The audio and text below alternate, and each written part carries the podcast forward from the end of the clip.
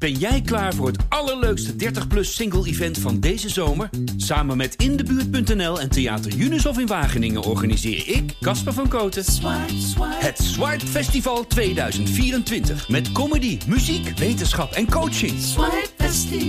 Maar vooral heel veel leuke mensen. Bestel nu je kaart op swipefestival.nl. Swipe, swipe. Ja, goedemorgen, welkom bij de Kamer van Klok, de wekelijkse podcast van de Volkskrant waarin we uh, de Haagse actualiteit bespreken. Eigenlijk gewoon een spin-off van Volkskrant elke dag. Ja, of, Andersom. of Volkskrant elke dag is eigenlijk een spin-off van de Kamer van Klokken, jongen. Dit is gewoon de Ja. oer. Wij zijn de, de, oer, OG. de oermoeder. Wij zijn de OG, Shaila. En onder de OG's ben jij natuurlijk de echte OG. Shaila ziet al zingt, Nee, hè? weet ik niet. Ja. Hmm, nou, als je een enquête onder ons vieren houdt, weet ik wel wie er als de OG uitkomt. Ja hoor. Toch? Ja, En unaniem. wij zijn het niet, hè, Pieter? Nee, nee. Wij zijn Geen het geval. niet. Nee, Pieter aan het hoofd van Pieter Klok aan het hoofd van de tafel. En Raoul Dupré aan de telefoon. Vertrouwd als altijd. We gaan het over van alles hebben. Wat, wat de ramp met de MH17 nou eigenlijk precies heeft gekost. Eigenlijk eh, apart om dat eens uit te gaan rekenen. Is gebeurd. Er is gedebatteerd over Oekraïners. Eh, het rapport van de parlementaire enquête. eh, over de. Ja, hoe heet die eigenlijk, die parlementaire enquête? Fraudebeleid. gewoon fraudebeleid in het algemeen. Parlementaire enquête fraudebeleid is uitgekomen. En los van hoe nieuwswaardig dat nou allemaal is, dat zijn natuurlijk toch gewoon belangrijke momenten. Dat een, eh, dat een commissie met zijn, eh, met zijn conclusies komt. Eh, nou, in bepaalde kringen neemt de angst voor een kabinet Timmermans alsmaar grotere vormen aan en hysterische vormen. En ondertussen is dat ook helemaal niet zo'n gekke gedachte. Want ze zitten toch met een redelijk muurvaste formatie, Shaila. Ja, nou ja, ja, absoluut, muurvast. Ja. Ehm, nog steeds proberen die vier partijen, of, of probeert de eh, informateur die is aangesteld om te kijken of hij die vier partijen ergens toe kan bewegen. kan. En dat leidt tot alle ingewikkelde dansen. Dan wil de, de een gedogen. Nu is die positie is stuivertje gewisseld. Nu wil eh, Pieter Omtzigt dan wel weer gedogen. En heeft de VVD in de woorden van Jezus een stap naar voren gedaan. Om dan wel in een kabinet te stappen. Maar dan in een buitengewoon ingewikkelde vorm. Iets met extra parlementair. En dan, maar dan wel met steun van iedereen. En nou ja. En, en NSC wil eigenlijk iets anders. Pieter Omtzigt blijft herhalen dat hij niet met Wilders in een kabinet wil, maar wel iets wil steunen, eh, nou ja, op, op voldoende afstand van Wilders. Het, is, het lijkt mij iets waar, nou ja, eh, geen beweging in zit. Nee, eigenlijk heeft Pieter om zich soort gaandeweg toch een steeds robuustere standpunt eh, ingenomen. Hè? Ja, ik weet niet of het gaandeweg is. Ehm, hij heeft die beroemde brief geschreven. Helemaal aan het begin Ja, van deze informatieperiode. Waarin hij op een rijtje heeft gezet. Waar coalitiepartners waar hij mee zou willen samenwerken. van hem aan moeten voldoen. Nou, dat, dit hebben we hier vaker behandeld. Hele lange lijst. Mhm. Eh, en, en als je dat allemaal afvinkt. dan voldoet de PVV daar op geen enkele wijze aan. Ook niet als Wilders een hele. nee, een soort eh, lijst tegen de PVV is het in eigenlijk. feite wel, ja. En Wilders heeft een hele programma ingeleverd. Echt werkelijk alles. Ja, Echt, Of in de eh, ijskast gezet. ja, nou ja, de, de, de behoorlijke draaien gemaakt in vrijwel alles. Maar het blijft voor eh omzicht ehm, een, nou ja, toch bijna Niet onbegaanbare verteren, weg. ja. Ja. in die zin zit hij toch meer op de lijn van Bontebal, die het heeft over democratische ethos. Over hoe gedraagt iemand zich, wat straalt iemand uit.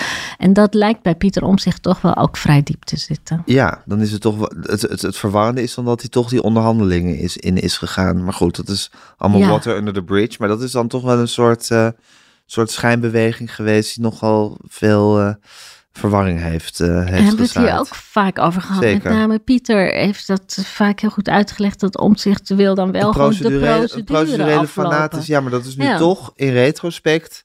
Blijft dat toch iets wonderlijks. Maar goed. Nog verwarrender vind ik dat hij nou toch ook wel weer indrukwekkend dat hij wel weer aan tafel wil komen. Om dan over een gedoogconstructie te praten. Dus Oh ja, je vindt dat, dat robuust, wat ik zei, dat vind je eigenlijk helemaal niet, eh, Raoul. nee, ja, eh, Ik, ik denk dat hij te weinig rekening houdt met welke indruk die wekt. Kijk, eh, als ik hem goed begrijp, is hij in zijn eigen beleving heel consistent. Ja. Hij heeft in het begin meteen na de verkiezingsuitslag gezegd: Ik voel me ook verantwoordelijk voor een goed landsbestuur. Dus ik zal serieus nadenken welke bijdrage ik daar kan, aan kan leveren. Nou, hij heeft eigenlijk altijd tijdens de campagne al, eh, en, maar ook verder op altijd de kans is heel klein dat, Ja. dat wij met Wilders in een kabinet kunnen. ja.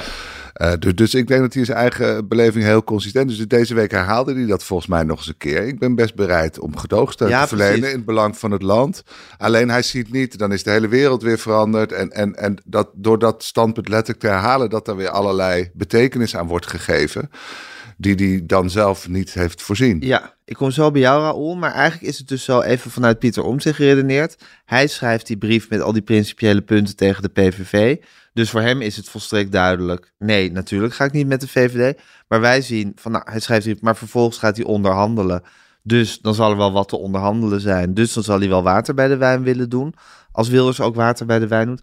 Maar dat is dus buiten Pieter om zich gerekend. Nou, en je ziet bij hem ook een soort paniek daarover soms. Dat hij de hele tijd gevoel dat hij verkeerd begrepen wordt. Dat hij denkt, ik voer, een hele consistente lijn. Ik begrijp hem volkomen. En die buitenwereld legt daar de hele tijd iets in. Nou ja, misschien moeten we ook gewoon als Pieter Omzicht gaan denken dan. Om hem, om hem goed te kunnen lezen. Ja. En dat als Maar het komt misschien ook omdat het natuurlijk niet echt een ervaren partij is. Hè. Er zit geen uitgebreid woordvoerdersapparaat... wat heel veel ervaring heeft met hoe dingen worden uitgelegd en zo. Dus het kan ook gewoon... We zien ook een heel nieuwe partij die, die misschien continu wel verkeerd begrepen wordt. Ja, maar het kan ook gewoon het wezen van Pieter Omtzigt Dat kan ook. Ik vind het toch echt steeds, steeds moeilijker te volgen hoor, wat Pieter Omtzigt wil. Want als je nou zo'n principiële, diepliggende bezwaren hebt tegen alles wat de PVV is, dan snap ik ook niet dat je zegt, maar we willen ze best in het zadel helpen. Door te gedogen of wat dan ook. Door te gedogen, ja. Ik bedoel dat, uh, kijk, het verschil met de gedoogconstructie van 2010 van Rutte 1 is, toen ging het erom dat met name het CDA, uh, eh, Wilders niet in de regering wilde hebben. Dus toen het compromis was toen, nou ja, ga, blijf dan maar in de Kamer zitten en gedoog ons maar. Dat was dan het compromis waarin, waar een meerderheid van het CDA uiteindelijk mee kon leven. Maar dit is natuurlijk andersom. Dus je gaat uh, de man die je zo veracht, eigenlijk, ga je dan vanuit de Kamer steunen. Um, met zijn regering. Ja, ik kan het. Voor mij mag het allemaal, maar ik snap het echt niet meer. Wat Pieter zich nu eigenlijk probeert ons duidelijk te maken. Er is echt geen touw aan vast te knopen. En eerlijk gezegd, we hebben ook deze week enorm veel tijd gespeeld op de redactie aan gesprekken over deze vraag. Ik kan me niet herinneren dat we ooit zo lang onderling hebben gehad over de vraag: wat wil die nou?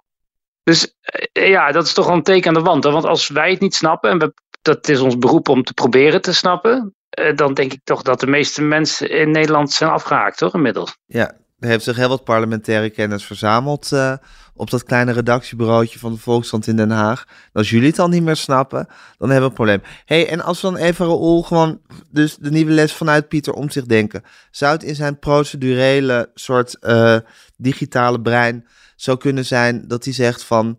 Uh, ik ben het principieel eens met, of oneens met een aantal wezenlijke punten van Geert Wilders... Daarom wil ik me niet echt aan hem engageren, maar het op afstand steunen van het beleid wat hij voorstaat, dat is dan wel mogelijk in mijn, uh, in mijn universum. Ja. Dat, dat, zou, dat zou toch een redenering kunnen zijn? Ja, maar dat verhoudt zich dan wel slecht tot die bezwaar tegen dat democratische ethos. He, wat, waarmee hij het veel breder heeft gemaakt. Dus de, um, nee, de, de, formeel kan dat natuurlijk, ja. Uh, en, en, misschien bedoelt hij dat, maar we horen het hem niet zeggen. Overigens is hij niet de enige die onduidelijk is, want dat geldt ook voor de VVD. Dus uh, we moeten ook niet uh, alles op hem richten. Ook de VVD is natuurlijk enorm aan het schipperen met het eigen standpunt en zendt alleen maar onduidelijke signalen uit. Ja, maar het, het, ding met de VVD is dat je bij hun toch het idee, vooral het idee hebt dat het, zal maar zeggen, opportunistische beweegredenen zijn, meer dan diep principiële. Dat je bij de VVD denkt, ze zijn gewoon aan het uitvogelen hoe ze er zo goed mogelijk uit kunnen komen. En dat is toch wat minder zwaar dan dat hele principiële, toch, Shaila? Dat is, dus dat voelt wat flexibeler. Ja, ja, maar dat is niet een reden om daardoor de VVD milder te bekijken of Zeker die niet. bewegingen Nee, maar als je, als je bij Pieter Omtzigt denkt van als dit je principes zijn en die zijn zo hard en duidelijk, dan moet dat toch de gevolgtrekking zijn.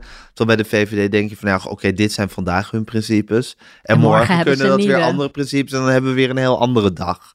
Weer een nieuwe dag voor de boeg. Ja. Zoiets. Het, het vervelende is ook dat als je het aan Pieter om zichzelf vraagt, en deze vraag wordt hem gesteld uh, met grote regelmaat, is dat hij dan ook een beetje, ja, een soort kribbig bijna reageert. Of nou ja, je, je ziet toch gewoon wat ik aan het doen ben. Voor hem is het volslagen logisch. Ja. Dus we moeten op een andere manier gaan denken. Ja, ja, we moeten ons proberen in het universum van Pieter Omzicht te te verplaatsen. Ja, ja. Pas dan kunnen we de ware betekenis eh, eh, bepalen van wat hij doet. Hey, en Raoul, behalve dat je het storend vindt omdat er zoveel goed betaalde krachten van de parlementaire redactie van de Volkskrant hier hun hoofd over aan het breken zijn, vind je het ook storend omdat je denkt van ja, het begint het formatieproces gewoon echt te hinderen, dit soort onduidelijke gedrag? Nou, we passeerden deze week de drie maanden grens. We zijn er wel drie maanden op weg. Dat is uiteindelijk niet goed voor een land als je vaker een demissionaire dan een missionair kabinet hebt. Uh, er blijft gewoon te veel liggen. En uh, dat, uh, iedereen had toch een beetje gehoopt dat, dat, dat Kim Putters deze week in die gesprekken toch tot enige voortgang zou komen. Nou ja, misschien is dat overigens zo binnenskamers, dat, dat Putters wel iets verder is gekomen, maar, maar de buitenwereld niet. Dus nee, je ziet het niet gebeuren. Voorlopig nog, dat rechtskabinet. Heb je het gevoel dat omzicht ook, zou maar zeggen, de, de grote verstorende factor is in dit hele proces? Nee, nee, ik vind dus dat uh, dat geldt. Ja, kijk, er zijn twee partijen aan wie het niet ligt. Dat zijn de PVV en de BBB. Je kan zeggen van Wilders wat je wil, maar hij blijft maar inleveren. Hij heeft inmiddels zijn uh, Oekraïne-standpunt uh, min of meer weggegeven. Voor wat het waard is, hè, moet je er dan bij zeggen. Maar ik bedoel, in de retoriek doet hij alles wat van hem verlangd wordt. En dat geldt, nou, dat geldt voor Van der Plas ook. Die, schuift in elke talkshow aan om te vertellen hoe graag ze wil. Dus het zit bij de VVD en de NSC. En uh, overigens kun je denk ik heel veel begrip daarvoor opbrengen. Want het is allemaal heel goed te verklaren waarom ze niet willen. Maar misschien is het wel tijd om nu nog maar eens gewoon de knoop door te hakken. En ook gewoon te zeggen dat je niet wil. Je moet Nee. ze gewoon opstaan en weggaan van tafel. Ja, en ook niet meer terugkomen. Ja. Ja, Ja. En geen stappen naar voren doen. Maar dat en is God natuurlijk eh, lastig, met, zeker voor, voor uh, Jessil Gus, van met, met welk argument zegt ze nu, ik wil definitief, ik wil bij nader inzien toch niet met Wilders in een kabinet. ja. Ik zie het gewoon helemaal niet zitten. Wat, dus, dus, dus ik, ik denk dat ze, dat ze gewoon zit te wachten op een argument. Misschien dat hij zich toch nog op een dag misdraagt, weer iets roept, eh, iets- zich iets laat ontglippen wat echt niet door de beugel kan. Niemand wil dit kabinet. Het gaat er ook nooit komen. Eh, tenzij we nog een formateur of, of de koning eh, weer ingrijpt Ja, en zegt Als van de we gaan koning het. zich hiermee had Ja. bemoeid, waren we er al lang uit geweest. Of Remkes, Of onze Remkes. onderkoning. Die gewoon op een gegeven moment zegt van jongens, nou is het afgelopen. We gaan gewoon met deze drie partijen en de regeerakkoord. VVD wil je niet. Oké, dan houdt het definitief op. Definitief op. Dan zijn er nog twee varianten. Kabinet Timmermans of nieuwe verkiezingen. Dat, dat, dat er een, een, maar ik vind dat... Dit Kim- zou Putters toch ook kunnen ja, maar die heeft, dat, karak- die heeft dit, dat karakter helemaal niet. Dat is iemand die toch de hele tijd wil gaan Luisteren, praten. praten. Een beetje deze kant op, een beetje die kant op. Ja, proberen eh, dat mensen het, het, het eens worden. Maar je hebt een heel ander type nodig. En de, vraag is, eh, waar, op welk moment heb je dat type nodig? Want je moet het ook niet te vroeg inzetten. Die moet wel met enige overtuiging kunnen zeggen, cut the crap. We Ja. zitten hier nou al drie maanden om elkaar heen te draaien. Nu is het afgelopen. Ja, Dus jullie drieën gaan... Dit is de enige optie. Jullie drieën gaan een regeerakkoord voor minderheidskabinet schrijven. VVD doe je niet mee. Nou oké, dan, is, dan is de optie over rechts definitief klaar. ja. Geen Oké, optie meer. dat is eigenlijk de optie. Een, eh, voor rechts. Een minderheidskabinet Ja. met... Ja, precies. Dus dat moet, een, Ja. eh, dat moet de informateur zeggen. Vervolgens zegt, nou, oh, VVD wil niet, blijf maar aarzelen. Blijf maar, ja, we willen eigenlijk gedogen. En als NSC dit, stop ermee. Ja. En dan zeg je, nou, dan kunnen we nog Timmermans onderzoeken. Gewoon prima meerderheid. Allemaal fatsoenlijke partijen passen vrij goed bij elkaar. Moet, moet Timmermans wat concessies doen op immigratie? Is hij volgens mij best toe bereid? En eh, dan kan je volgens mij heb je, eh, kan je, kan je vrij snel gewoon een nieuw kabinet hebben. Maar dit kan... En dan moet- maar de VVD moet dat toch ook wel gewoon zeggen. Dat is toch niet zo moeilijk? Ja, maar ik weet niet of, hij, of, het, of het nu al het moment is, of hij het karakter daarvoor heeft. Ik, ik, ik ken hem niet, maar Sheila kent hem volgens mij beter als iemand die, die, die dit soort taal uitslaat. Van Cut nu is een keer crap. genoeg. Cut the crap. Ik, heb, Ja. eh, ik, ik weet niet. Kan hij cut the crap zeggen, Shaila? Ik, Heb je hem wel eens cut the crap horen zeggen? ik, ik heb hem, ik heb het dat toch nooit horen zeggen. Nee? Ehm, ik denk dat, het, dat dat inderdaad niet nu gaat gebeuren. Dat daar eerst nog een conclusie, nog niet een conclusie moet worden getrokken. Dit gaan we echt niet Er doen. moet weer een Ja. rapport worden geschreven. Maar de Telegraaf maakt zich al hevige zorgen Ja, hè, over dat tweede scenario. Dat Ja. eh, Timmermans nu als Het tweede grootste partij van. Nederland eh, aan bod komt. Ja, Ja, dat zou ook zomaar kunnen. Dat als, als dit, dit kan natuurlijk niet eindeloos doorgaan. We zijn de 100 dagen grens over. ja. We zijn geen stap opgeschoten. Nee. Dat kan overigens ook nog strategie zijn, want dit was inderdaad ook de week waarin dan officieel het woord Timmermans is gevallen in de wandelgangen. Hè? Het T-woord. Dat dook opeens op in de berichtgeving. Eh, ja, en dan blijft het een beetje onduidelijk wie het woord Timmermans in de mond heeft genomen. Dat kan natuurlijk voor de VVD nog wel interessant zijn om eens te kijken hoe de achterban reageert. Als dat het perspectief wordt. Ehm, en alsnog het laatste zetje geven richting Wilders. Dus het- je moet alternatieven laten zien, denk ik. Het spookbeeld van Timmermans, zodat iedereen dan toch weer in beweging krijgt. Ja, ja, en het is denk ik een feit dat, nee, het is, het is, als de opinieonderzoeken eh, kloppen, dan is het een feit dat de VVD-achterban liever gewoon met Wilders eh, in zee gaat dan met Timmermans. Dus dat kan eh, misschien helpen. De, de bal ligt wel bij eh Jezel Gus nu, denk ik. Ehm, want in zoverre is zich deze week wel iets duidelijker geworden. Is dat hij dus inderdaad, nou, dat meerderheidskabinet doen we niet. Eh, ja, ik wil wel gedogen. En ja, ik ben ook nog wel bereid om daarover te praten. En ergens mijn handtekening onder te zetten. Met name van de Plas ehm, zei van de week dat ze geen zin had in een vierde partij. die als een soort free rider vanuit de Kamer. eh, een beetje per dag gaat beslissen wat er wel en niet wordt gesteund. Maar hij heeft, tegen, hij heeft dus tegen Putters gezegd: ik ben wel bereid om ergens mijn handtekening onder te zetten. Lees een gedoogakkoord, een hoofdlijnenakkoord, een soort ehm, eh, pijlers van het eh, regeringsbeleid, hoe je het ook gaat noemen. Daar wil hij voor tekenen. Nou ja, dat is een reële optie dan. Ehm, eh, en de enige partij die dat zeker tot nu toe in elk geval daarvoor de, de, de- lijkt weg te lopen, is de VVD. Dus die vraag komt nu wel met, echt met kracht op de VVD af. Of ze zich hieraan willen engageren. Ja. hey, want, wa- want Pieter noemde dit net, dat rechtse kabinet, het kabinet wat nie- dat niemand wil. Ja, dat geldt voor een linkskabinet nog, nog meer bijna, denk ik. Eh, misschien dat daar iets minder principiële soort... Ja, ik kijk hier vrij. eh, ik kijk hier gewoon van de beginselen van de parlementaire democratie. Je hebt een verkiezingsuitslag waar meerdere meerderheden mogelijk zijn. zijn. En, en je moet al die emoties. Ja, er zijn heel veel emoties. Hè. Er is een haatcampagne tegen Timmermans natuurlijk gevoerd. Dus dat maakt het allemaal heel moeilijk. Eh, eh, om al die gevoelens weer even te laten eh, luwen. Maar dit is gewoon heel. We hebben precies hetzelfde gezien. We hebben het vorige week over gehad met Den Uyl, die toen ineens enorm won in 1977. En, en nou, die, die gedroeg zich anders dan Wilders. Hè, want die wilde ook meteen dat het hele regeerakkoord naar zijn hand zetten. En vooral geen concessies doen. Maar toen op dat moment gingen er ook twee partijen uiteindelijk samen zitten en zeiden: Nou, een kabinet met de grootste partij. en de het grootste ding, is dat lukt niet. het ding is dat die partijen elkaar mochten. Wiegel en Van Mochten elkaar. Terwijl nu moet eh, Timmermans dan met Jezilgus en met... Ja, maar eh, er is nog nooit zo'n er is nog nooit zo'n diepe liefde tussen twee coalitiepartners geweest als tussen Mark Rutte en Diederik Samson. Eh, En, en, en, die, en die hele stal die is weer terug bij de PvdA. Hè? Frans Timmermans met op de achterhand.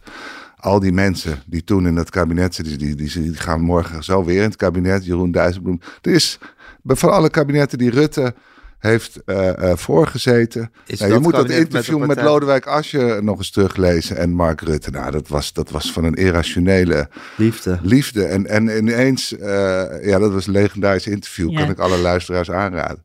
Dus, dus ja, wat, waar kijken we precies naar? We kijken naar dat, dat de VVD inderdaad wel een sterke anti-immigratiecampagne heeft voert en daar zich een beetje op vast hebben gezet. Dus die kunnen zeker niet in een kabinet wat dat niet adresseert. Ja. Dat zou wel enorm gezichtsverlies zijn. We kijken naar een campagne, die haatcampagne tegen Timmermans natuurlijk, die gevoerd is. Eh, dus dat zijn wel twee hele grote hordes waar je overheen moet. Maar als je er nuchter naar kijkt, dan, dan zie ik veel minder hindernissen die kant op dan, dan eh, de andere kant op. En ze kunnen elkaar vinden op arbeidsmigratie en op studiemigratie. We weten dat asielmigratie een beetje symboolpolitiek is. Dat hebben we ook weer gezien bij die nareis op Ja, nareis. zijn die cijfers ook weer we weten dat dat allemaal toch marginale cijfers zijn. We weten dat de arbeidsmigratie veel groter eh, kwantitatief is en veel meer op huisvesting drukt. Dus je kan daar best een rationeel verhaal over maken. En het is geen linkskabinet, het is een kabinet dat uit het midden komt, want het wordt door Pieter Omtzigt bij elkaar gehouden. Dus het is, het is op geen enkele wijze een linkskabinet. Als we dit al een linkskabinet gaan noemen, dan zijn onze verkopen, labeltjes Ja, wel maar we heel erg opgeschoven. nou Ja, ik ben helemaal om. Ja, de VVD zit er ook in. Dit, ik bedoel, dit, als, als dit het wordt, is het gewoon een, een middenkabinet natuurlijk. Precies, een kabinet was toen. Ja. En ze hebben heel veel geleerd van de jaren 2012 en 2017, hè, toen ze heel veel dingen fout hebben gedaan. Gaan we het straks nog over hebben. Het kader van het Ja, fraudebeleid. Dus ze weten ook hoe het niet moet. Ja. Eh, ze kunnen hun fouten weer op een goede manier herstellen misschien. En het is misschien ook wel fijn om die BBB er niet bij te hebben. Ja. Er was, er was ook wel weer heel Eens. gek, heel gek debatje. Gisteren heb je dat gezien, eh Raoul van der Plas, die boos was eh, dat minister van der Wal, VVD-minister van der Wal, en eh, dat, dat rapport over de, die na- natuurherstelwet eh, die in Europa nu voorlag, niet bij tijd naar de Kamer zou hebben gestuurd. En van der Wal zei, nou ja, ik zou het sturen zodra ik een kabinetsreactie had. Dat is de normale route en dat zou nog twee dagen duren. En van der Wal heeft het heel hoog opgespeeld. Was gisteren zo'n interpellatiedebatje. Dat ze dan, dan werd van der Wal echt op het matje geroepen. En, en, en, en Caroline van der Plas met gele kaarten zwaaien. En enorm tekeer gaan tegen de minister. En Rosanne Hertzberger van NSC daar nog eens bovenop. En dit kan toch niet. En de PVV er ook nog eens bovenop. Het waren het, het was een heel gek schouwspel om naar te kijken als je je bedacht dat het hier vier partijen zijn die met elkaar een kabinet nog steeds proberen te vormen. Ik, ik weet niet of jij het hebt gezien, maar ik dacht, dit is toch ook een raar amateurisme, ook vanuit die BBB. Dat lijkt me ook een hele vervelende partij überhaupt om in een coalitie te hebben. Nou, je Niet bestuurlijk. Niet bestuurlijk. Totaal heel, niet heel bestuurlijk. erg offensief. En, Ja, Maar je en- vond en- ze hysterisch, Sheila. Nou ja, en, en, en, en heel erg. ehm, eh, ja, Van der Plas is, is een soort van nummertjes aan het maken. Dit is eh, op, een, op een hele rare manier. Ook met dat gaan zitten in al die talkshows de hele tijd. Ze heeft niet Ze kan geen nee zeggen. ze heeft niet een soort besef van: ik ben nu even aan het onderhandelen over een kabinet. Of het gaat nu even om, om belangrijkere zaken. Ik, ik weet het niet. Ik weet, ik weet, Raoul, hebben jullie daar ook over Het vergaderd? is gewoon het- Langdurig?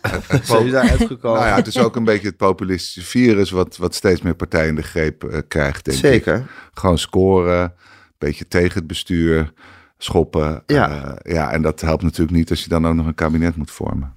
Nou, ofwel, als je het met elkaar eens bent daar heel erg over. dat je de hele tijd tegen, tegen jezelf gaat schoppen.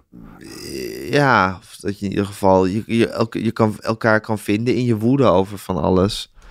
Nou, weet ik niet. Ja, maar als je wel woedend bent over het bestuur, Ja, dan nee, merk waar. je dat je zelf in het bestuur zit. is Dat is wel...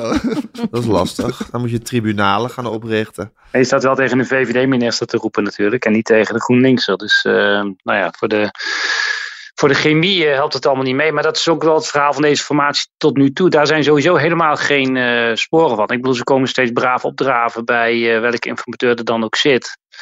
Maar oh, ja, bedoel, normaal gesproken ehm, gebeurt het echte werk in een formatie eh, bilateraal, ehm, eh, op geheime eh, locaties, in cafés, in, bij mensen thuis. Daar worden uiteindelijk moeten mensen beslissen of ze elkaar gaan vertrouwen of niet. En ehm, het kan zijn dat wij collectief ons werk heel slecht doen, maar er is geen, volgens mij geen enkel teken nog dat dat soort bewegingen op gang zijn gekomen dat er eens iemand eh, een boswandeling is gaan maken met Pieter Omzicht. Van hoe gaat het nou eigenlijk met je? Ehm, eh, dat Wilders en Van der Plas elkaar eens opzoeken. Dat, eh, de- je ziet het gewoon niet. Ze zeggen dat ze het willen ehm, en dat de kiezer het wil. Maar ze stralen het echt op geen enkele manier uit. Het Ja. blijft nog altijd maar dat onhandige geschurk van een eerste date. En het wordt nooit Ja, en, alles via de openbaarheid. Via Twitter, via Ja. eh, talkshows, via de krant. Ja, Ook heel gek. ja. Kijk, van die eh, formatie van 2012, waar eh, Pieter het net op weet, daarvan is bekend dat, ehm, ik geloof dat het om negen uur de exit poll kwam. En dat om vijf over negen eh, Mark Rutte aan de telefoon hing met Diederik Samsom. Eh Diederik, wat gaan we doen? Zo formeer je een kabinet. En dan vervolgens eh, mag, kan je er nog heel lang over discussiëren of dat niet wat te snel ging. En eh, eh, eh, of ze er niet wat langer over hadden moeten nadenken. Maar er kwam wel een kabinet. En eh, eigenlijk alle succesvolle kabinetsformaties kennen zo'n moment. Waarop toch er iets ontstaat. Het ijs wordt gebroken. Ja, we zijn drie maanden op weg en het is gewoon niet eh, gebeurd. In die periode Plasterk is het wantrouwen vergroot. De manier waarop Omtzigt eruit is gestapt heeft natuurlijk heel veel schade aangericht. Nou, nu probeert hij dan weer op een beetje halfslachtige manier terug te keren aan tafel. Maar ook tussen die drie partijen, ook tussen. eh, je moet ook niet vergeten dat ook in de VVD ehm, een diep wantrouwen zit tegen Wilders natuurlijk. Hij is een dissident, hij is een partijverlater.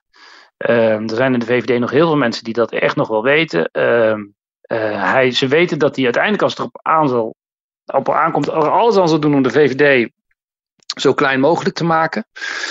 Ehm, dus ook, dat is ook geen liefde. Nee. Nee. Nee, Wilders is gewoon onbetrouwbaar de, de, vanuit VVD-perspectief. Ja, en, en Want dat is het wonderlijke, hè? Dat, dat, dat Jezielkus heeft meer liefde voor iemand die, die, die de VVD echt jaren achter elkaar beledigd heeft, heeft proberen Ja. te ondermijnen. En, en, en daar heeft ze meer liefde voor dan, dan een partij die dat volgens mij allemaal heeft nagemaakt. Nee, met wie Die- ze jarenlang kabinetten hebben met, met wie het. Koendersakkoord werd gesloten. met wie die, die ze altijd bereid was om ze op een of andere manier eh, steun eh, te, te bieden aan, aan kabinetten. Ja. Dus het is heel raar. En dat is het, dus het is Ja, niet dat logisch. omdat de campagnestrategie is geweest om alle, alle woede van het volk af te wenden op de waterige compromissen die ze heeft moeten sluiten onder dwang van die vreselijke Partij van de Arbeid. Ja, dat is toch gewoon een, een ja, tactische maar die keuze geweest. waterige compromissen waren in een hele andere samenstelling. Waren met ChristenUnie en D66. Weet ik, weet ik, maar dat is wel van dat, dat walgelijke linkse blok waar die ons Ja. gedwongen heeft om dit, om dit beleid te voeren. zat Wat dus, ja, goed. Wat we in de Nee, de verkiezingscampagne... PvdA, weet ik, zat daar niet bij, maar dat is zo zo zeggen, die hele linkerkant, die, Mhm. die, ja, Die enge mensen. die enge mensen. arme CDA staat daar ook bij. Die, eh, wat, wat we in de verkiezingscampagne hebben gezien, vrij vroeg in de verkiezingscampagne, was een gesprek tussen eh, eh, Timmermans en Omtzigt. Ja. Hè? Die hadden dat zelf georganiseerd. Eh, en daarin zag je die eh, verschillen op heel veel terreinen van mening. Maar dat was echt een goed gesprek. Ik denk dat die twee heel goed met elkaar kunnen. Ja? Ja. En waarom, waarom gebeurt dat dan niet alvast een beetje? Dat weten we niet. Nee. Timmermans moet naar Enschede en wandelen. Ja, maar die zit natuurlijk nu in een zetel te wachten totdat dit helemaal vastloopt. En die, die, die wil gevraagd worden natuurlijk. Dus ik snap wel dat PvdA en GroenLinks nu even niks doen. Hetzelfde geldt voor D66. Die heb je namelijk ook nog nodig, hè? En vergeet niet dat met name tussen D66 en VVD zit heel veel zeer vanwege de val van het kabinet. Hè? De, bij D66 zijn daar nog steeds woedend over. De manier waarop eh, de VVD dat gespeeld heeft. Dus het zijn, is allemaal ook niet vanzelfsprekend. En zelfs als Timmermans en Jette terug aan tafel komen, vrees ik dat dat het begin was van een hele nieuwe, lange formatieronde. Maar goed, we kunnen niks uitsluiten. Nee. Je zou zelfs het CDA erbij kunnen halen. Dat onder Bontebal een geheel nieuwe koers aan het varen is.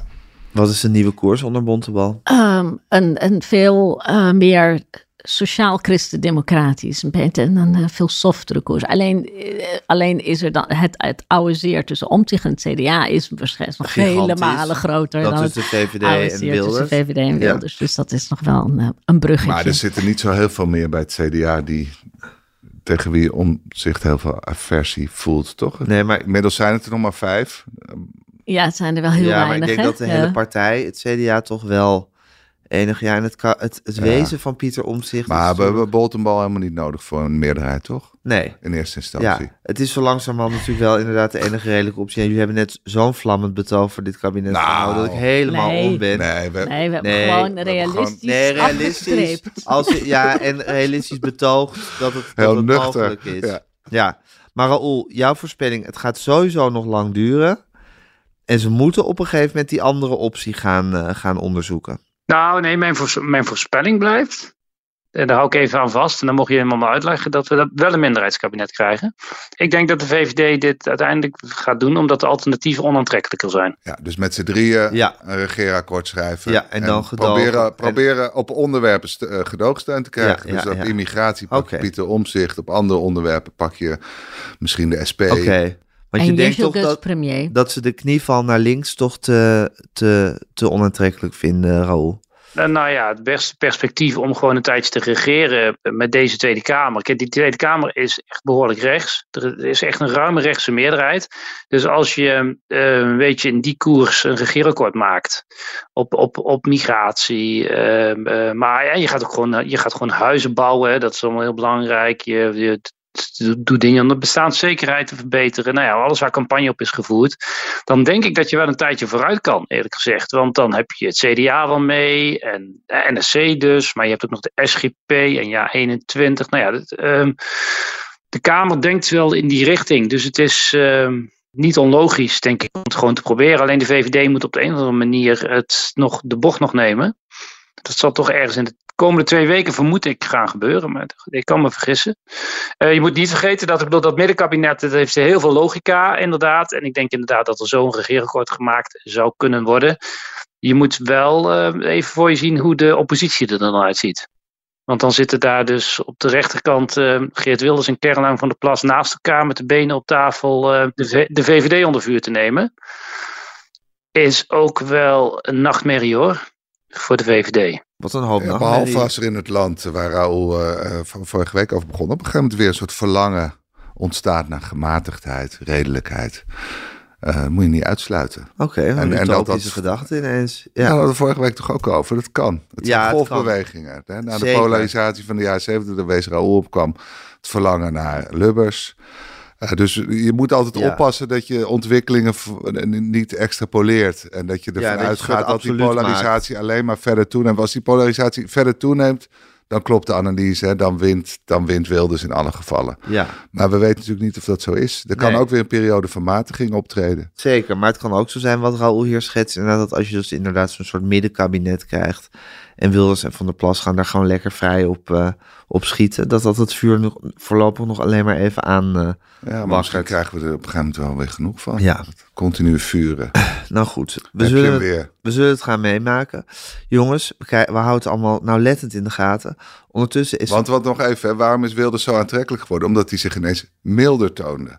Als hij straks weer wordt gedwongen in die ouderwetse rol van continu afvuren daar, daar kwam hij tot ongeveer 20 zetels. Dus je, dus je kunt hier ook nog wel weer iets ja, maar volgens mij waardeerden mensen het niet omdat dat hij milder was geworden, maar omdat hij ietsje milder werd, werd hij ineens een mogelijke uh, coalitiepartner. En vonden mensen het daarom aantrekkelijk om hun stem ja, maar als hij dus weer door, als hij dus weer terug wordt gedrongen in de rol die hij altijd had, namelijk gewoon de hele tijd met zijn uh, ja, maar ik weet niet of je die, of je die geest. Ik weet het ook niet, Gijs. Ik weet alleen dat er soms wel wordt heel makkelijk één kant op geredeneerd. En volgens mij, weet je gewoon, het kan altijd weer. Dit verkiezingsuitslag was ook een totale verrassing. Dus het, het kan ook in één keer weer draaien. Je moet altijd oppassen om de ontwikkeling van vandaag door te trekken, heb ik inmiddels wel geleerd. Oké, wanneer nou heb je dat geleerd? Gewoon al ga, gaandeweg. Ja. Ja. Shaila? ja? Oké. Events, my dear, dat is een klassieke uitspraak. Het zijn vaak gebeurtenissen die in één keer weer alles kunnen doen draaien. Kunnen gebeurtenissen. En, wij, en wij, wij proberen al te analyseren volgens, volgens langlopende trends. Maar vaak, het zijn veel vaker gewoon gebeurtenissen die bepalen hoe de wereld zich verder ontwikkelt. Ja, dus er kan ineens iets, iets, iets zich Whatever. voordoen. Ja. En dat kan ook bijvoorbeeld een heel, een heel liefdevol en sterk middenkabinet zijn. Waardoor iedereen ineens denkt van, oh ja, dit is ook Inval van Poetin in Polen ik noem maar wat. Dan, dan ben ik benieuwd hoe het verder gaat. Ja, ondertussen is ook uh, de parlementaire enquête fraudebeleid tot een conclusie gekomen. Is dat, is dat ook een soort. Uh, had het ook iets van een event, Raoul? Jawel. Was dat, was dat, een, was dat een moment? Jawel, jawel. Maar we hebben hier eerder wel het toch over gehad over uh, de inflatie uh, waaraan het middel van de parlementaire enquête onderhevig is. En ik, heb zelf altijd wel gevonden dat deze enquête daar wel echt een sprekend voorbeeld van is. Omdat er namelijk al zo'n heel goed doortimmerd en snoeihard uh, rapport lag van de parlementaire onderzoekscommissie. Dat is iets lichter en iets kleiner, maar daar is een kabinet uiteindelijk over gevallen. Uh, het is echt een heel goed rapport. Er lagen overigens ook al hele goede rapporten van uh, commissies van buiten. Ik vroeg mij uh, tot maandag af, nou, ik ben benieuwd of ik nog wat nieuws ga lezen. En eerlijk gezegd is dat ook, ja, was dat ook niet zo. En dat heb je ook wel een beetje gemerkt, want het is niet het gesprek van de dag geworden deze week, hè, deze enquête. Daarvoor denk ik dat de meeste mensen toch te veel hebben gehoord wat ze al wisten. Niettemin, het is een vrij sterke analyse, vind ik, uh, die de commissie heeft gemaakt van het fraudebeleid uh, dat uh, sinds de jaren negentig door de Nederlandse overheid is ehm, is gevoerd. Waarin ook vrij beeldend wordt beschreven dat vooral alles zo ontzettend ingewikkeld is gemaakt voor de mensen. Zo ingewikkeld dat heel veel mensen de weg totaal kwijtraken. En stuiten op het onneembare bastion van de overheid. Um, die vervolgens daar vrij um, rigide en hard op reageert. En dat, dat, is, dat, dat proces, dat hebben we nu echt in een, een reeks rapporten. Je kunt er echt een boekplank mee vullen, uh, is dat beschreven. En ja, je zou, mag toch echt hopen dat dat nu langzaam doordringt tot wat voor kabinet we ook krijgen. Ik zou zelfs zeggen dat het bovenaan de lijst zou moeten staan met prioriteiten. Om, om te beginnen met de overheid. Bij alles wat je wil. Gaat conclusies trekken uit al die rapporten en wat gaan we ermee doen? Wat, wat er gebeurde, uh, sorry heel kort nog even, is dat dus de, de, uh, maandag hadden we dat rapport. Toen kwam gisteren kwam het rapport van de commissie van mij over de toekomst van de arbeidsongeschiktheid, de WIA. Waar de conclusie ook weer was, het is zo complex geworden dat uh, de systemen niet aan kunnen, dat uit, de uitvoeringsorganisatie, het UWV, het niet aan kan en dat de mensen niet meer snappen hoe het werkt. Nou, als je een, een uitkering hebt waarvan de mensen in het land niet snappen hoe die werkt, dan moet je iets nieuws verzinnen, denk ik. Uh, dus dat was twee. Um, uh, nou, en zo kun je natuurlijk een hele reeks uh, echt opnoemen van uitvoeringsproblemen. Dus ja, dit loopt vast. Ja, ter, ter um, uh, verdediging van Rutte 4, van het afgelopen kabinet, is het dat het kabinet er al een begin mee heeft gemaakt. Hè? Die erkenning, dat die onderkenning er is, van dat we de overheid veel te ingewikkeld hebben gemaakt. En dat met name de uitvoering een probleem is. We ook een heel goed rapport van de klem tussen Bali en beleid. Dat was uh, nog net iets voor die. Dat was weer een andere parlementaire commissie die echt heeft gekeken naar de uitvoering. En, uh, en je, je ziet, je, je, zag, ik, ik vond het regeerakkoord, dus vier echt heel goed regeerakkoord. Daarin werd dit aangepakt. En daarin werd, werden ook mensen aangesteld om dit op te lossen. Nou ja, goed, dat was een ongelukkig kabinet en dat heeft niet veel kunnen, kunnen doen door, maar de, uh, door de politieke goed. omstandigheden. Maar die, dat, dat beleid moet gewoon worden, kan gewoon worden doorgetrokken. Ja. En ook dit WIA-rapport, ook, ook uh, uh, goed. Die, die, die uh, commissie, die Roos voor mij, die geeft geen oplossing, maar die geeft drie denkrichtingen. En volgens mij is dat wat je moet doen als, als commissie. Geef drie denkrichtingen mee, maak daar een politieke keuze tussen en ga dat vervolgens uitwerken. En, Ja. en het kan. Ja, en er is ontzettend veel ingewikkeld. Het, het, het, het eh, PGB, hè, die, dat, dat, dat persoonlijke budget. eh, budgetje wat je kan krijgen. Dat, dat, dat, dat was, dat was ook een keer zo'n presentatie van eh, in de Kamer, volgens mij door de Rekenkamer. Die, die, ging, die ging uitleggen hoe ingewikkeld de PGB was. geworden. En de Kamerleden zeiden, maar hoe kan dit? En dat de president van de Rekenkamer antwoordde, ja, maar dat heeft u gedaan. Ja. Dat, dat, hè, u begrijpt het niet meer, maar het is uw schuld. En Ja. de Kamer, omdat er moet voor alles een uitzondering komen. Er moet voor elke Ja. Achterban iets geregeld worden. Nou ja, daar moet je vanaf. En dat Ja. besef is vrij breed doorgedrongen. Ja, dat is natuurlijk het ding met de Tweede Ja. Kamer. Die hamert altijd op dat alles Ja, ja, maar ja. voor iedereen... Ja, maar dat, dat, dat, dat, ik miste toch iets in een rapport. Want er werden we allerlei schuldigen aangewezen, inclusief de media. Daar moeten we het straks misschien nog even over hebben. Uh, wij moeten ook wat meer verantwoording afleggen. Maar wat ik miste in de analyse is, is dat, dat hier gewoon een soort uh, verkeerd beeld op de overheid aan ten grondslag ligt. Of een onmogelijk beeld op de overheid. We hebben twee verlangens. We willen iedereen gelijk behandelen in dit land en we willen maatwerk bieden. En vooral Ja. die laatste, dat laatste is obsessief geworden. Ja, We moeten vooral mensen moeten precies krijgen waar ze recht op Ja. hebben. Nou, elk mens is anders in Nederland, dus je moet bijna per persoon bepalen waar die recht op heeft. Hè, dat, dat is een soort diep Ja. verlangen bij ons, want we kunnen het niet verdragen dat sommige mensen iets krijgen waar ze geen op re- recht op hebben. We gaan straks nog over de Oekraïnse vluchtelingen. Dat kunnen wij Ja. als land niet meer verdragen. En het omgekeerde kunnen we ook niet verdragen dat mensen die er wel recht op hebben het niet krijgen. maar vooral het ene. Vooral dat mensen iets Nou ja, krijgen waar ze eigenlijk geen recht op... Nou, dat geloof ik echt. Dat, dat, nou ja, dat, ligt dat- ten dat- grondslag maar- aan de Dus fraudebestrijding. je hè? ziet Ja. dan golfbeweging. Dan hebben we periodes dat we vooral bang zijn dat mensen geld krijgen die er geen recht op hebben. Nou, dan hups, dat, dat hebben we dan heel sterk aangezet. En vervolgens komen de periode dat mensen die er wel recht op hebben geen geld Ja. krijgen. Of nog erger, eh, allemaal boetes krijgen, Ja. zoals bij die toeslagen. Dus die golfbeweging die ga je houden zolang je niet aan dit wezenlijke eh, eh, vraagstuk raakt. Ja. Wat moet de overheid zijn? En dan moet je toch kijken naar regelingen die al heel lang succesvol zijn. Al decennia succesvol ja, zijn. Dat de zijn goede de regelingen. AOW. Er is nooit discussie over. Er is namelijk gewoon iedereen krijgt precies hetzelfde. Kinderbijslag, volgens mij nooit discussie over. Dus ik denk dat je als overheid moet streven naar basisvoorzieningen. Dan moet je kijken hoe hoog je die legt. En dat doe je bij alles. Hè. Dat doe je ook bij de WHO. En vervolgens doe je net als bij de pensioenen. Kun je maatwerk doen, maar dat moet je privaat organiseren. Of dat moet je, vroeger deed het via de zuilen. Hè. De kerken waren heel goed in maatwerk bieden. Want die kenden hun parochie en die wisten precies wie extra hulp nodig had. Dus wat, toen liep het op die manier. Ja, maar die maatwerk moet je niet door de landelijke overheid laten doen. Want dat ontspoort In alle gevallen. Dus dan moet je zeggen op een gegeven moment, geen maatwerk. Dat kan je niet van de overheid verwachten. Wij bieden een basisvoorziening. Of dat een basisinkomen is, of uh, basistoegang tot de zorg, of uh, vrij openbaar vervoer. Je, je hebt allerlei dingen die je zegt, dit willen we voor iedereen hebben in een land. En dat ga je gewoon. En dat leveren ja, wij als overheid. En, en de rest met, uh, met betaalbare woningen. Dan heb je ook geen huurtoeslag meer nodig. Hè. Ze gewoon zeggen, wij, leveren, wij vinden gewoon als overheid betaalbare woning voor iedereen. Ja. Dus nu. Ja, want, je... jou, want jou, jouw credo is ook altijd heel erg van wat voor, wat voor maatschappij wil je zijn? Nou, een maatschappij die bijvoorbeeld studiekosten betaalt voor iedereen. Ja. Of je nou rijke ouders hebt of nou, arme of een ouders. basis, een basis, een basis. En daarbovenop ja. moeten sommigen misschien lenen en anderen gaan werken. En de derde krijgt van zijn ouders. Ja. Dus dat en is niet erg. dito voor crèches. Als je een kind hebt in de leeftijd van 0 tot 4, dan mag je zoveel dagen crèche. Ja. Nou, En dan, moet je en dan moet je goed is. nadenken waar, waar je die basis legt. En hoe hoog je hem legt. En, ja.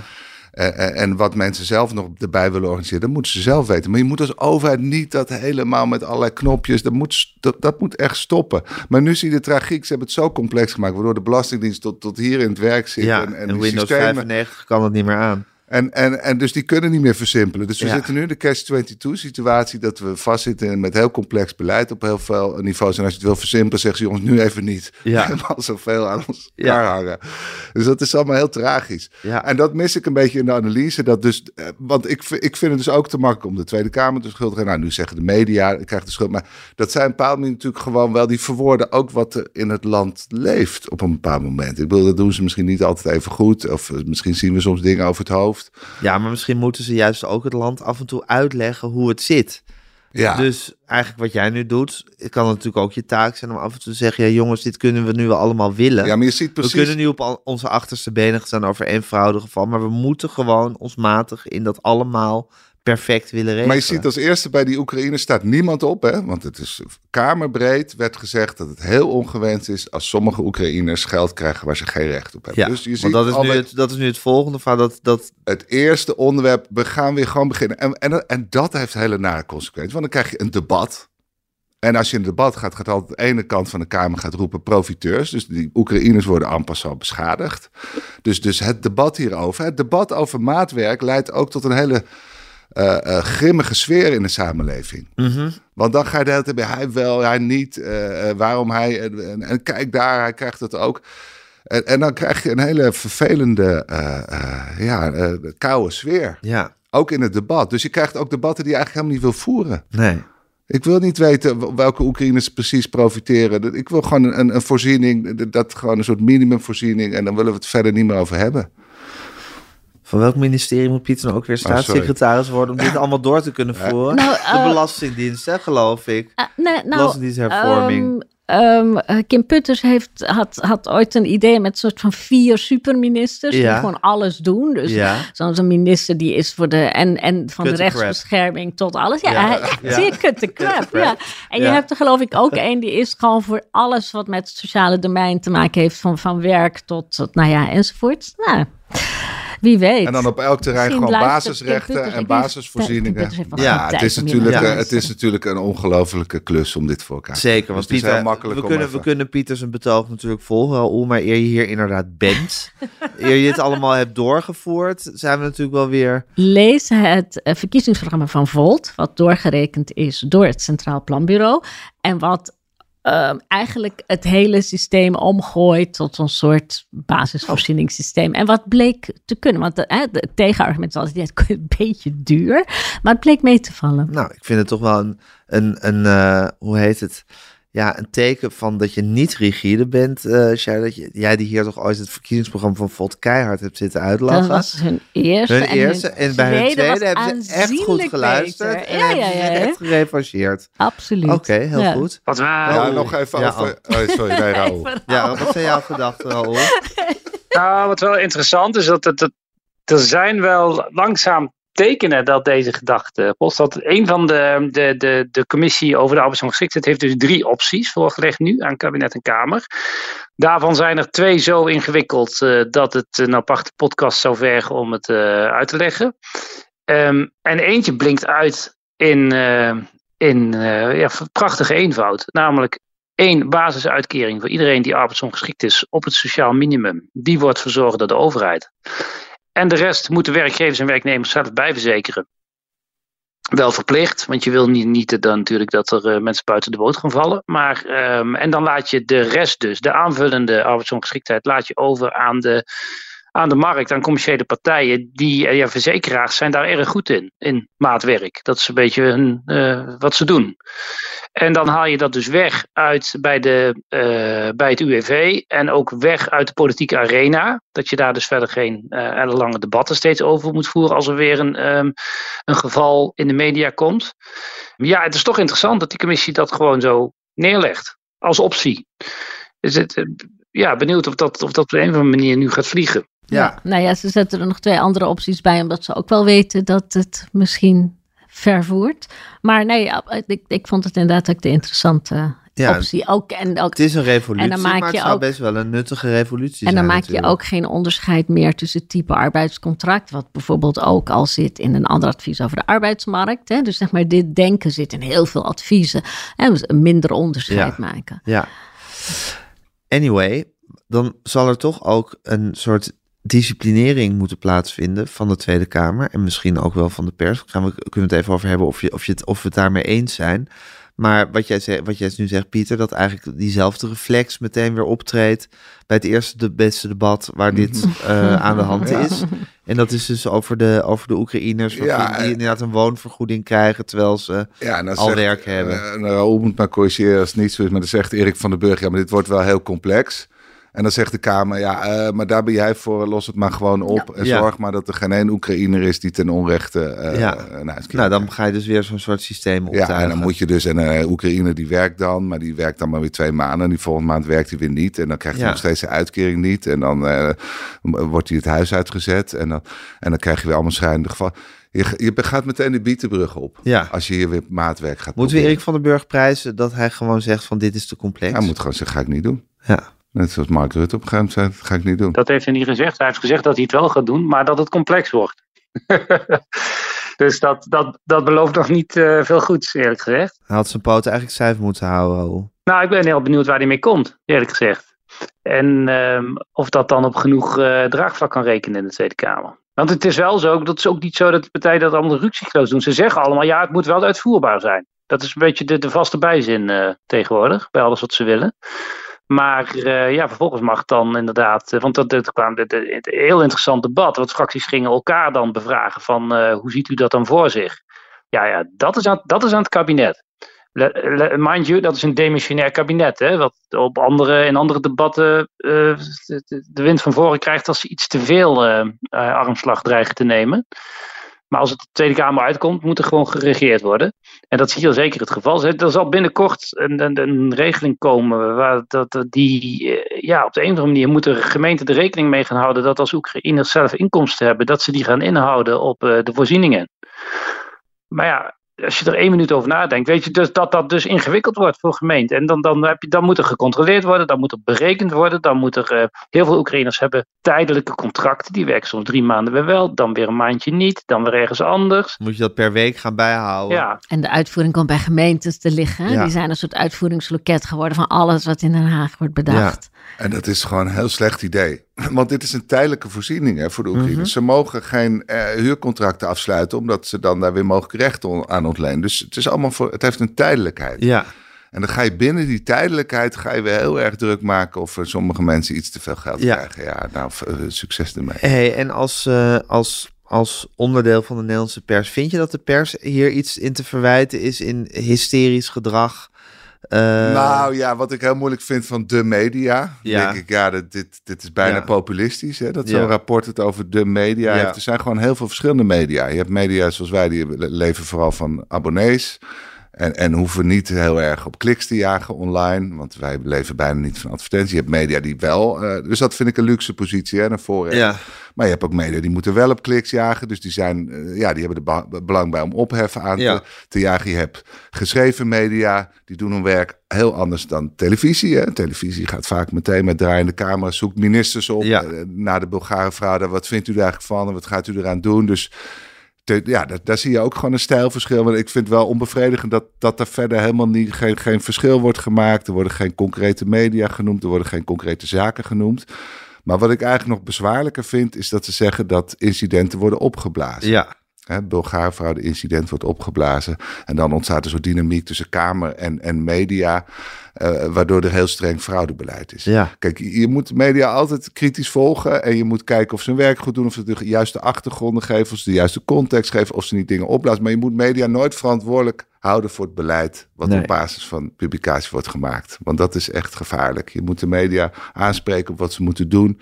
Beschrijven ze de wereld goed. En wat het rapport doet, is eigenlijk een beetje. De media zijn zo'n beetje mede verantwoordelijk voor het beleid. Ze hebben het over een tango. Denk ik, ja, blijkbaar wordt het in de Tweede Kamer zo ervaren. Alsof wij het beleid bepalen. Dus dat is een teken aan de wand. Een heel zorgelijk teken aan de wand. Blijkbaar voelen ze zich helemaal niet meer autonoom. Ze ze hebben het gevoel dat ze aan de leiband van de media lopen. En dat, dat, dat is niet zo. Kamerleden hebben hun eigen verantwoordelijkheid. Die moeten zorgen voor goede Ja. wetten. Dus op het moment dat er iets onthuld wordt over Bulgarenfraude, moeten ze kritische vragen stellen. En dan moet de minister rustig uit luisteren. Dit is maar een kleine groep. We kunnen dit bestrijden, maar dat heeft heel veel nadelen. En dan ga je er rustig over praten. En dan kom je, als het goed is, tot verstandig beleid. Media moeten incidenten juist opblazen, want dat is ook gebleken. Kijk, wij hebben op een gegeven moment ook, wij hebben de, krant geopend met het gaat helemaal mis eh, bij het toeslagensysteem. Heel veel ouders te dupe, was toen eh, eh, een rapport van de ombudsman.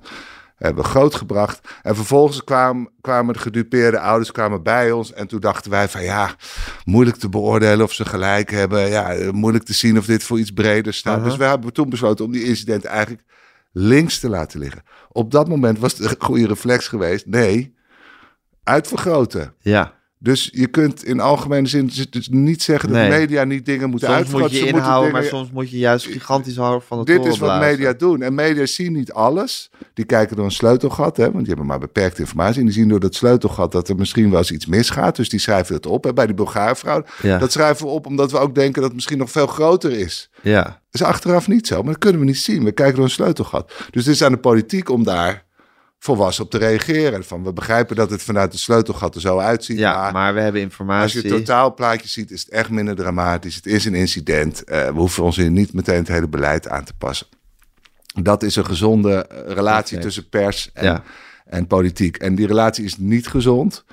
Alleen ik vind de manier waarop de commissie daarover schrijft, vind ik, ja, vind ik. ik vind Nee, dus het gewoon is de taak van de media, wa- wat niet bestaat, maar goed, van, van, van de hele verzamelde pers, om, eh, om eh, de politie scherp te houden. Ja. En om waar het kan te controleren hoe het gaat. En als het misgaat, er een, een, een grote tour van te maken. En ja, goed, dat allemaal zo naar, naar eer en geweten te doen.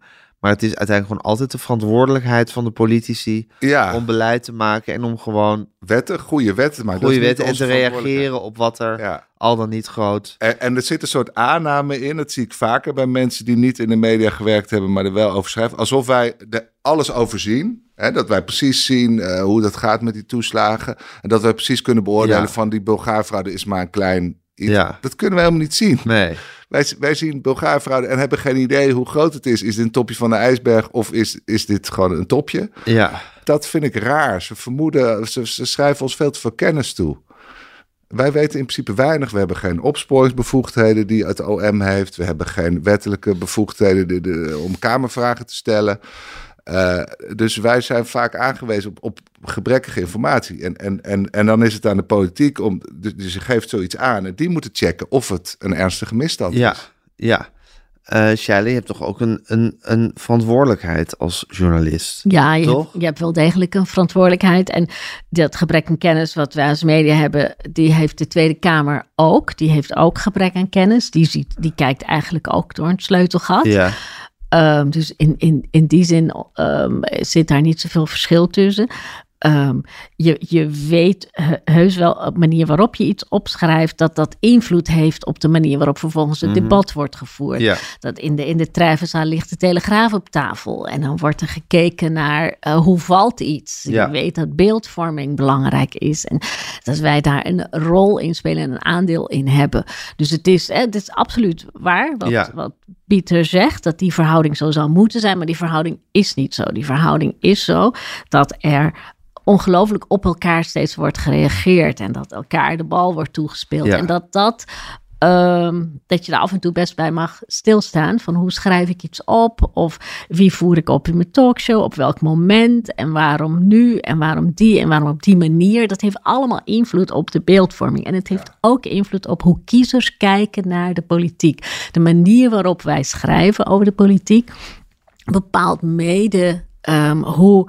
Um, gewone mensen, hoe mhm. mensen die de krant lezen en naar televisie kijken en naar radio luisteren en nu.nl zien, hoe zij zien, of, hoe, hoe, de opinie die zij daar weer vervolgens over vormen. Ja. Dus je hebt wel degelijk een verantwoordelijkheid in hoe je dat presenteert en in of je besluit welk incident je wel of niet um, belangrijk maakt. Ja, ja, ja. En dat is voor een deel tasten in het duister, omdat je inderdaad niet weet. Je krijgt een incident voor je en je weet niet hoe belangrijk het is. Dus je moet op je gevoel afgaan, op je kennis afgaan, op wat je weet, op in hoeverre je het kan inbedden in wat je al weet.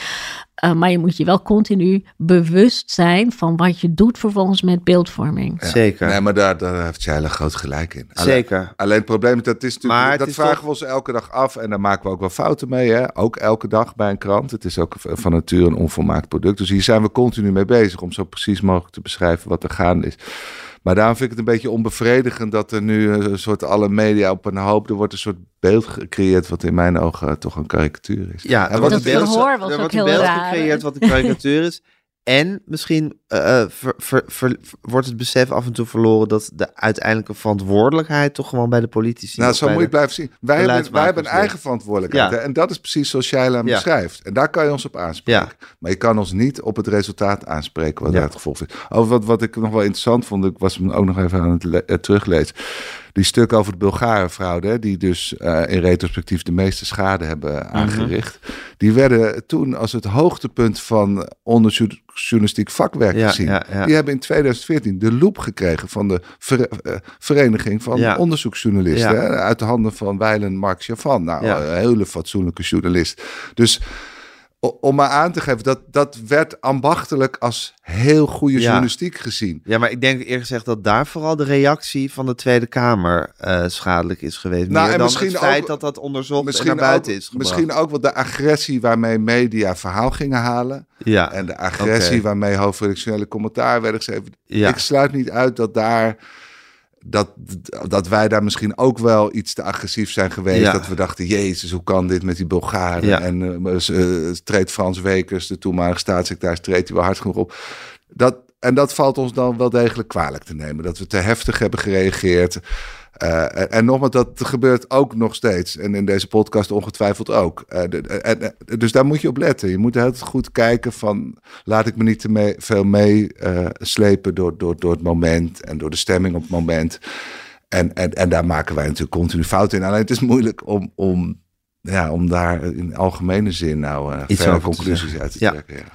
Oké, okay, tenslotte Shaila, vlak voordat we begonnen aan deze podcast hadden we het heel even over de Algemene Rekenkamer, die, uh, die de, ja, de kosten van de nou, ramp, de aanslag op de MH17 heeft, uh, heeft berekend. Je kan je afvragen, ja, er zijn zoveel mensen voor, levens verloren gegaan, het is zo verschrikkelijk. Wat maken die kosten nou eigenlijk uit? Maar jij vond het een bijna ja, ontroerend iets, hè, dat ze dat hadden gedaan. Nou ja, heel goed, omdat eh, die MH17 is een een, uh, een schandvlek eigenlijk op, uh, uh, op, op, op de verhoudingen met Rusland geweest. Het is, het is een, een schandalige misdaad geweest tegen onschuldige burgers, tegen de burgerluchtvaart. Het is een omvangrijke ramp die ons heeft getroffen. Um, en je, wat je ziet is dat uh, de regering, en ik denk met name Mark Rutte, in deze niet loslaat. Dit is, hier moet genoegdoening voorkomen op elke mogelijke manier. Nou, we hebben de rechtszaak gehad tegen de uh, daders. Uh, maar je, je moet met zorgvuldigheid blijven hameren op het feit dat het ernstig was. En je moet dat zorgvuldig en procedureel doen.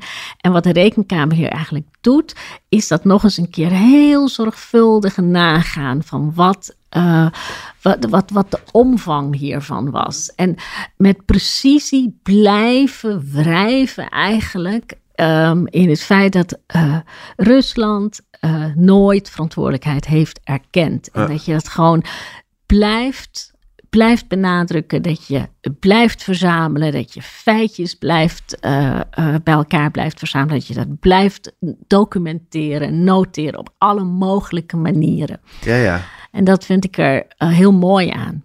Dat is ook een vorm van verwerking van. Niet alleen verwerking, maar ook, ook de verantwoordelijkheid ja. blijven neerleggen. Ja, dat nooit relativeren. Waar hij hoort. Ja, ja. ja oké. Nou, dat is helder. Nou, zekere zuiverheid. Dus je niet laten leiden van nou, het heeft toch geen zin. Of we leven toch in een wereld waar autocraten steeds meer uh, de, de lakens uitdelen. Nee, wij blijven vasthouden aan onze gerechtelijke procedures, aan, aan onze rechtsstatelijke principes. Dus het heeft iets moois onverstoorbaars. Ja. Oké, nou laten we daarmee afsluiten. Ja, Is dat Raoul niet nog iets zeggen? Raoul, wil je nog wat zeggen? Hij heeft daar mooi commentaar over geschreven. ja. Nee, uh, uh, jullie hebben volkomen gelijk. Kijk, wat, wat Rusland daar heeft gedaan, is een beetje doorrijden bij een ongeluk. En, en zeggen dat je er niet bent geweest. Dat is eigenlijk de hele verdedigingslijn. We, we, waren, daar, we waren daar niet eens, joh. Dus laat staan dat we daar raketten hadden staan. Dus waar hebben jullie het over? Nou ja, er is natuurlijk gewoon aangetoond hoe het is gegaan. En het is denk ik gewoon voor de internationale jurisprudentie alleen al van belang dat Rusland daarvoor gewoon aansprakelijk wordt gesteld. Er lopen nog twee zaken bij de Internationale Burgerluchtvaartorganisatie en bij het Europese Hof voor de Rechten van de Mens. En dat is toch van belang. En niet omdat, uh, omdat uh, Rusland zal gaan betalen. Ik denk niet dat, dat, niemand in Den Haag die illusie heeft. En zonder die 166 miljoen van de rekenkamer redden we het ook wel. Maar gewoon dat zwart op wit wordt vastgelegd. Ehm, jongens, jullie uh, uh, zijn hier in het wilde weg met raketten gaan schieten en daarvoor uh, ben je aansprakelijk. In de hoop dat daarvan iets toch in het internationale recht blijft hangen. Ik denk dat dat het doel is van deze hele operatie. Dat heeft een zekere schoonheid inderdaad. Nou, zijn we er? Dan zijn we er. dit was de Kamer van Klok, dames en heren. We eindigen in stemmige eensluidendheid. En volgende week zijn we er weer. En Volksland Elke Dag is er natuurlijk aanhoudend de hele tijd. Volgende week vrijdag zijn wij hier weer. IJs en wederdienende, inshallah. En uh, stuur ons een mailtje, podcasts.volksland.nl. Of abonneer je op deze podcast uh, op alle mogelijke kanalen. En uh, blijf luisteren. Tot volgende week.